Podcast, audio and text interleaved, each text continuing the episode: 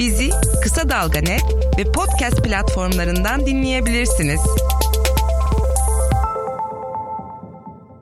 Merhabalar, ben Alev Özkazanç. Bir Arka Pencere programında daha birlikteyiz. Bugün benim için özel bir gün ve güzel bir gün. Daha önceki programlarımdan farklı olarak e, ilk kez bir söyleşi yapacağım. Ve yanımda çok e, değerli bir konuğum var. Sevgili hocam e, Deniz Kandiyoti. Öncelikle, öncelikle size çok teşekkür etmek istiyorum. Hem söyleşi davetimi kabul ettiğiniz için, hem vakit ayırdığınız için hem de güzel evinize konuk ettiğiniz için e, tekrar teşekkürler ve hoş geldiniz diyorum. Hoş bulduk. Siz e, toplumsal cinsiyet e, ilişkileri alanında ve kalkınma ilişki kalkınma disiplininde e, dünyaca e, e, tanınan e, çok etkili, önemli eserler vermiş olan e, az sayıda Türkiye'li akademisyenden birisiniz. Ama bizim için, benim için, benim kuşağım için, Türkiye'deki pek çok feminist için ve kadın çalışmaları, öğrencileri için çok daha özel bir öneme de sahipsiniz tabii ki. Çok yıllar sonra sizinle kişisel olarak tanışmış olmak da beni çok mutlu ediyor. Ve bu söyleşiyi yapacak olmak da öyle. Şimdi benimle birlikte dinleyen herkesin sizin engin e, bilgi birikiminizden faydalanacağını umuyorum. İşte bu amaçla e, sizin e, geniş bir ilgi alanınız var. Toplumsal cinsiyet konularına pek çok açıdan yaklaşıyorsunuz. Ekonomi üzerinden, kadın emeği üzerinden, kalkınma, kapitalizm üzerinden, devlet üzerinden, siyaset ve İslam üzerinden birçok açıdan yaklaşan çok geniş bir perspektifiniz var. Biz de bu perspektif içerisinde e, birçok konuyu size sormak istiyoruz. E, şimdi sorularıma geçmeden önce aslında sizden bir ricam var. E, ben sizi tanıtmak yerine sizin kendi ifadelerinizle, kendi yaşam öykünüzü ve akademik serüveninizi biraz bize anlatmanızı rica ediyorum. Olur Alev. Ne yazık ki bu biraz uzun bir yaşam öyküsü. Onun için ben kısaltmaya çalışacağım. Aslında ben kadın çalışmalarına 70'li yıllarda başladım. Ee, daha doktorasını yeni almış bir akademisyen olarak ilk e, ilk girdiğim iş ODTÜ'deydi. Ee, o senelerde ise 75 yılında hatırlarsanız ilk Dünya Kadın e, Birleşmiş Milletler Kongresi olmuştu ve evet. bütün söylem gelişme üzerineydi. O sırada da tabii ben e, kırsal alandaki kadınlar ve hı hı. iş gücüne katılımları, kırsal dönüşümler üzerine çalışıyordum. E, o sonra 80'li yıllarda İngiltere'ye gelince aynı zamanda iki kırılma oldu. Hem Birleşmiş Milletler'deki global bakış açısı bir miktar değişti. Hem Türkiye'deki 80 sonrası feminist uyanış mı diyeceğiz ona artık. Hmm, evet. Darbe sonrası ikisi bir araya geldi. Tabii o sırada hala herkes kadın konusunda çalışıyordu. Kadın ve eğitim, kadın ve hukuk vesaire. Ee, bana ise o saha biraz dar gelmeye başlamıştı. Hmm. Dolayısıyla tam herkes kadına yoğunlaşmışken ben acaba bu meselenin derininde bir erkeklik sorunu mu var diye birden bir sahada bir kayma yaptım. Hı hı. Ve Türkiye'deki erkekliklerin ve kurumsal dayanaklarının analizinin bu meseleyi çözmeye çok faydalı olacağını düşündüm. Çünkü ataerkillik o zamana kadar kadın erkek ilişkileri ve erkeklerin ailede ve toplumda kadın üzerindeki yetkisi üzerine kurulmuştu. Hı hı. Oysa ben ataerkiyi daha geniş perspektifte sadece erkeklerin kadınlar üzerine değil yaşlı erkek kuşağın hı hı. genç erkekler üzerindeki kontrolü olarak tanımlamıştım ve Türkiye'de o kontrolün geniş ölçüde tarımda kapitalizmle birlikte yıkılmaya başladığını gö- gözlemlemiştim. Sonra tabii erkeklik çalışmaları Türkiye'de iyice yayıldı ve tabii özellikle e, erkekliği yeniden üreten kurumlar yatılı okullar, ordu tabii başta gelmek üzere. Hatta futbol stadları şeye girmeye başladı. Fokus'a girmeye başladı. Tabii o sıralarda ben Londra'ya geçmiştim. Ve orada başka sahalarda çalışmaya başladım. Sovyet sonrası Orta Asya, Afganistan. Fakat bir yandan da Türkiye'yi arka planda götürüyorum aynı zamanda. Londra'da e, nerede çalışmaya başladınız? E, School of Oriental and African Studies diye Londra Üniversitesi'ne bağlı bir kolejde çalıştım. E, Ve oradan emekli oldunuz sanırım. Ve evet Çok oradan yakın- emekli oldum. Çok evet. yakın değil neredeyse 10 seneye Asla. yakın bir zaman oldu. Tabii benim esas ağırlığı başka ülkelere verdiğim bir dönemdi bu. Hı hı. Yani ben diyebilirim ki 90'lı yıllarda artık Orta Asya ve Afganistan çalışıyordum. Fakat tabii e, Türkiye hakkındaki düşüncelerim devam ediyor. Bu sefer ne oldu? Ya tamam e, kadın erkek ilişkileri değil olay. Onunla bitmiyor. Erkeklik söylemleri önemli. Fakat acaba cinselliğin kontrolü bize bir şeyler öğretebilir mi diye iki sene süren bir çalışma yapmıştım. Ee, erkekten kadına geçmeye çalışan translar üzerine. Hı hı. Ee, hangi senelerdeydi? Ee, zannediyorum 90 sonlarıydı.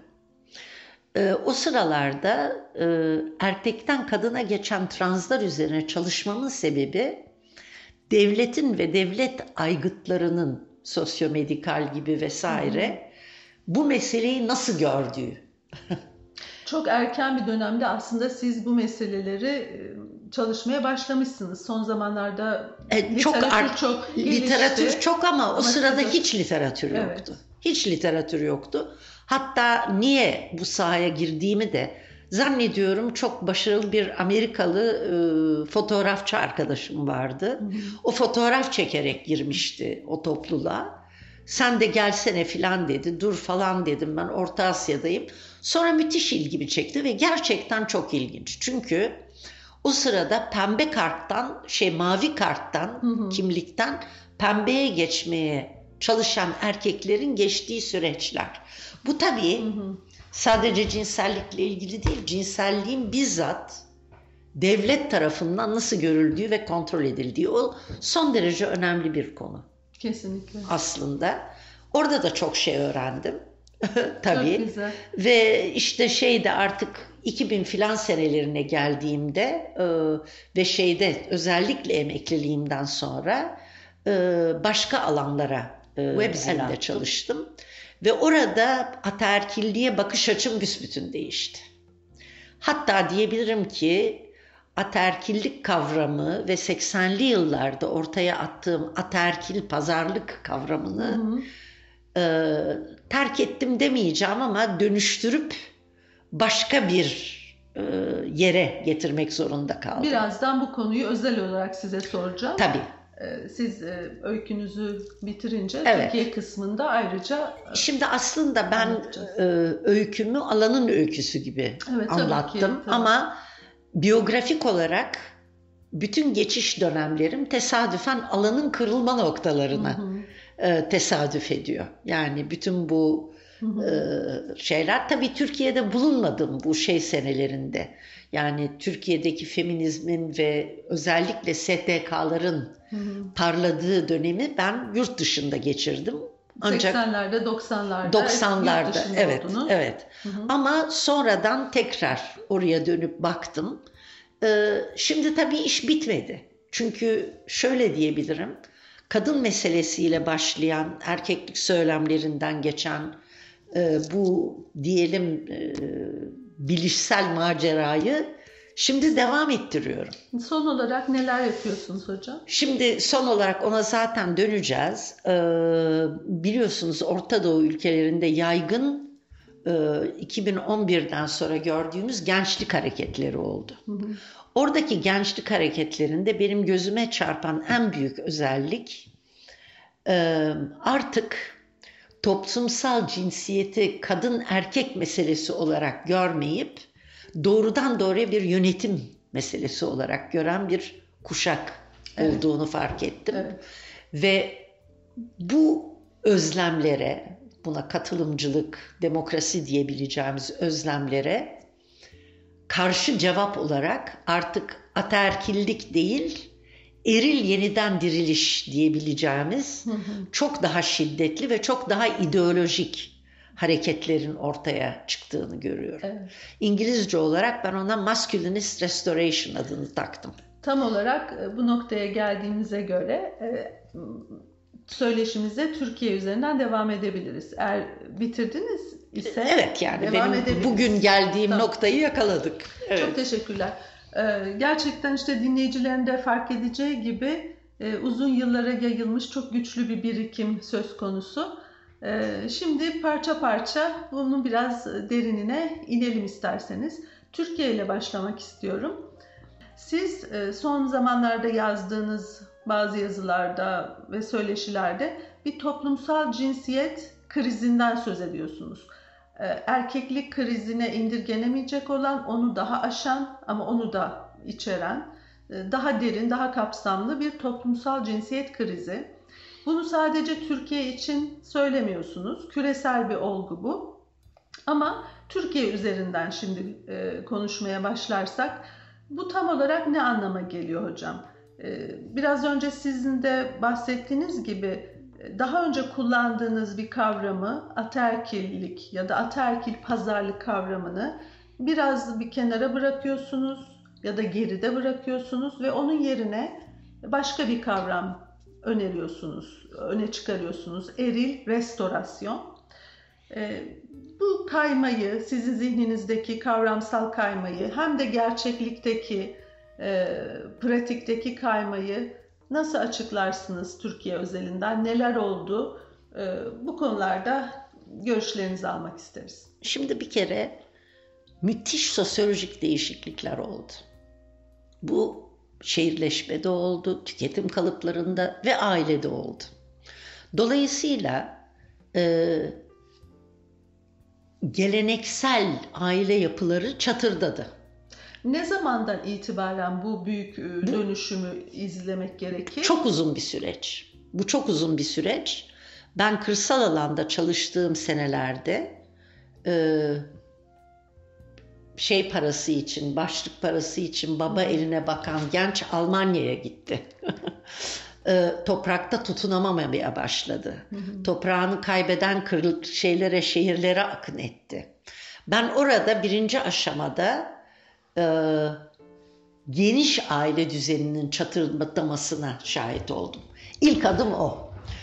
Kaynanayla, kayınpederle oturmak istemeyen gelinler, kendi evlerini kuranlar, kocası Almanya'da olup bunu Nermin Abadan Unat göç çalışmalarında bize göstermişti. Kadın hesap açıyor, çocuklarıyla ayrı evde oturuyor. Dolayısıyla Yani 50'li 60'lı yıllardan söz ediyorsunuz. 60 70 70'e 60 70 o, o sıralardan bahsediyorum. Tabii bu başlayan yani geniş aile şeyinde başlayan olay kadın erkek ilişkilerinin karşılıklı beklentilerine de yansıyor. Şimdi baktığınız vakit kentli aileler çocuklarını kadın olsun erkek olsun okutuyorlar. Kızların diploma sahibi olmasını istiyorlar. Bu diplomalılar çalışmak istiyor. Benim ilk defa işte şeyde başıma gelmişti. Aslında çok paralı olmayan e, bir aileyi deniz kenarında tanımıştım. Kartal'dan gelmişler Büyükada'ya. Kızları okusun diye ev taşımışlar. Gelsin burada oku. Peki oğulları da var. Oğulları yanındaydı. Belli ki orada gittikçe kız okutma, sadece erkek evlatlara evlenmeme vesaire. Tabii bu toplumda, ailede, kadınlarda belirli beklentiler yaratıyor.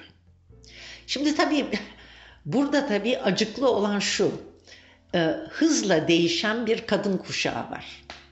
Daha çok çalışan, daha çok eğitilen, daha çok kontrol etmek isteyen, bütçeye daha çok karışmak isteyen. Fakat oğlunu eskisi gibi yetiştiren bir anne kuşağı var. E, bu kuşak dönüşümünü özellikle son 10-20 yıl için mi söylüyorsunuz? bu epeydir. Yani bu Epeydir epeydir. var ama- Alttan alta gidiyor. Hı hı. Dolayısıyla e, ben şunu görüyorum yani Türkiye'de. E, Kadınlarla erkekler arasında belirli bir defaze durum var. Yani kadınların beklentileriyle erkeklerin beklentileri eş bir şekilde ilerlemedi. Bu da ne oldu? Ee, aslında müthiş gerilimlere yol açtı. Toplumun her katında. Yani erkeklerin kontrol beklentileriyle kontrol imkanları arasında büyük bir uçurum var. Yani belki kadın daha çok para kazanıyor, belki daha çok katkıda bulunuyor ama maaşı istiyor adam. Ne oluyor o zaman? Şiddet. Dolayısıyla ben şunu görüyorum. Ee, şiddette hep şiddet vardı, artmadı diyenlere şiddetin şekli değişti. Şiddet konusuna e, daha sonra birazdan geleceğiz. e, daha fazla eğilmenizi Evet. isteyeceğim.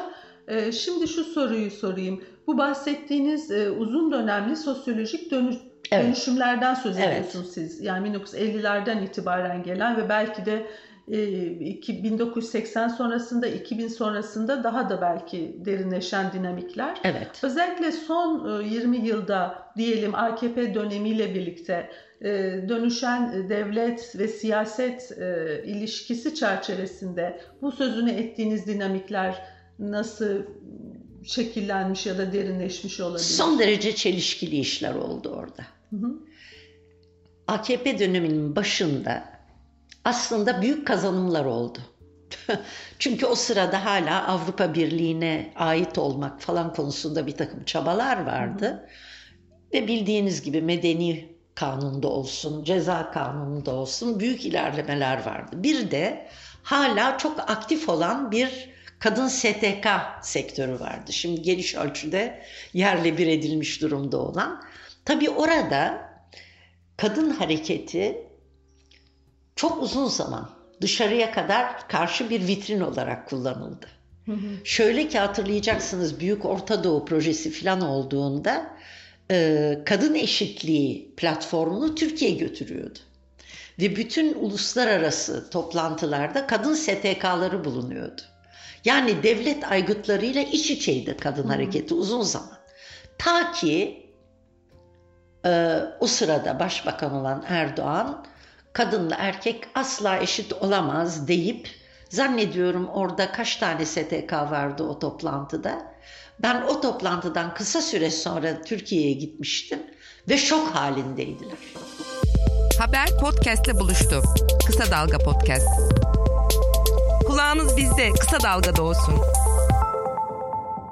birdenbire böyle bir şok etkisi yaptı. Fakat ondan sonra zaten çorap söküğü gitti. Şöyle ki e, bu en az üç çocuk doğurma meselesi, kürtajı durdurma Evet, meselesi. 2012'de kürtaj Evet, meselesi. evet gündeme önemli bir geldi. eşik e, Şimdi o da çok enteresan çünkü kanun geçmedi fakat fiilen hastanelerde kürtajca izin verilmemeye başlandı.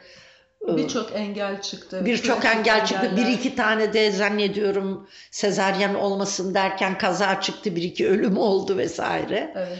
O şekilde devam etti ve gittikçe hmm, diyebilirim ki özellikle 2004 yılındaki ceza kanununun e, birçok maddesini kemirmeye başlayan açılımlar oldu. Bu şekilde nasıl peki? O zaman aileyi güçlendirmek. Aile politikaları. Peki bu aile politikaları nasıl olacak? Kadınlar evde otursun. Şimdi tabii olmadı aslında. Olmaması Olmadı, olmadı. evet. Olmamasının çeşitli sebepleri var. Az gelirli kesimde iki maaş olmadan ay sonunu getiremiyor insanlar. Bazen kadınlar hatta daha çok gelir getiriyor icabında.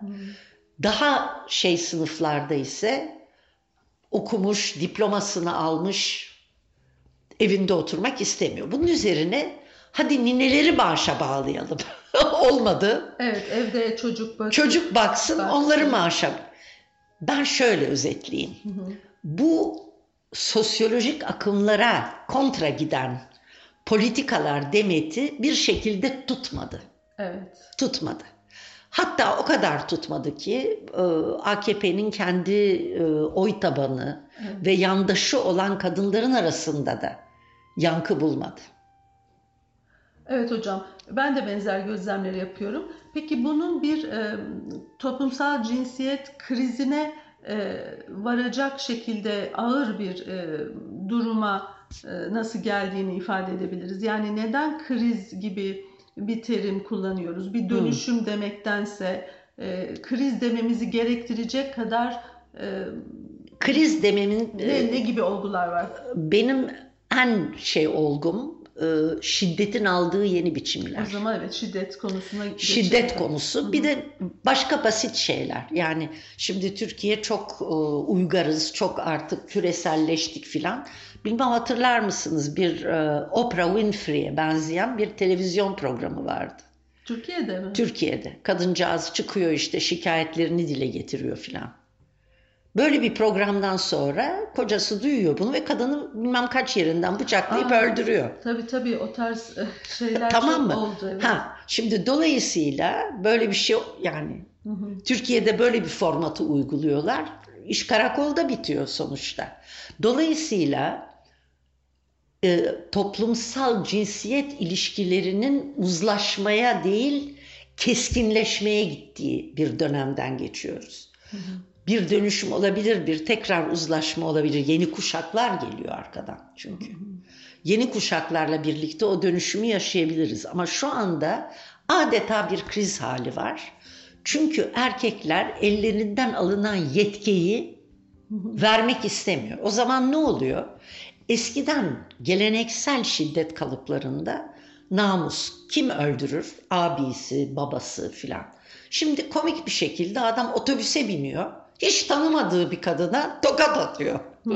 Sen nasıl böyle giyinirsin diye. Yani erkeklerin genel olarak polisliğe soyunması ve bu şekilde hareket ederlerse başlarına belki fazla bir şey gelmeyeceğini düşünmesi yeni bir şey. Yani ben e, Türkiye'de doğdum, büyüdüm. Hayatımda e, bir adamın gelip de ulu orta bir parkta veyahut da bir otobüste bir kadını açıkça tartaklayabileceği, dövebileceği aklıma bile gelmezdi. Kesinlikle bunlar çok yeni ve e, çok yeni kalıplar. alarm verici alarm. gelişmeler. Ya benim kriz dememin sebebi yok bu. Öte yandan hala e, Türkiye'de kadına yönelik şiddetin çok büyük bir kısmı e, aile içinde ve öldürme formunda Oluyor. gerçekleşiyor. E, yakın ilişkiler içinde eski eş, e, koca, eski koca, sevgili, eski sevgili gibi o ilişkiler ya da aile içi ilişkilerdeki gerilimi nasıl görüyorsunuz?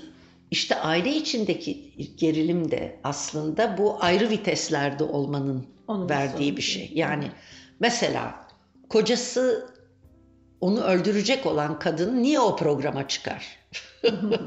Değil mi? Şimdi kadınların e, diklendiği durumlarda dövülüp öldürülüyorlar. Yani bir şekilde onlara verilen mesaj Özgecan olayında hatırladığınız gibi niye çıktın? Çıkmasaydın. Yok böyle bir şey çıkacak. Hı hı. Veyahut da ayıralım. Yani e, devamlı bir kriz var. Ona getirilen çareler de uçta.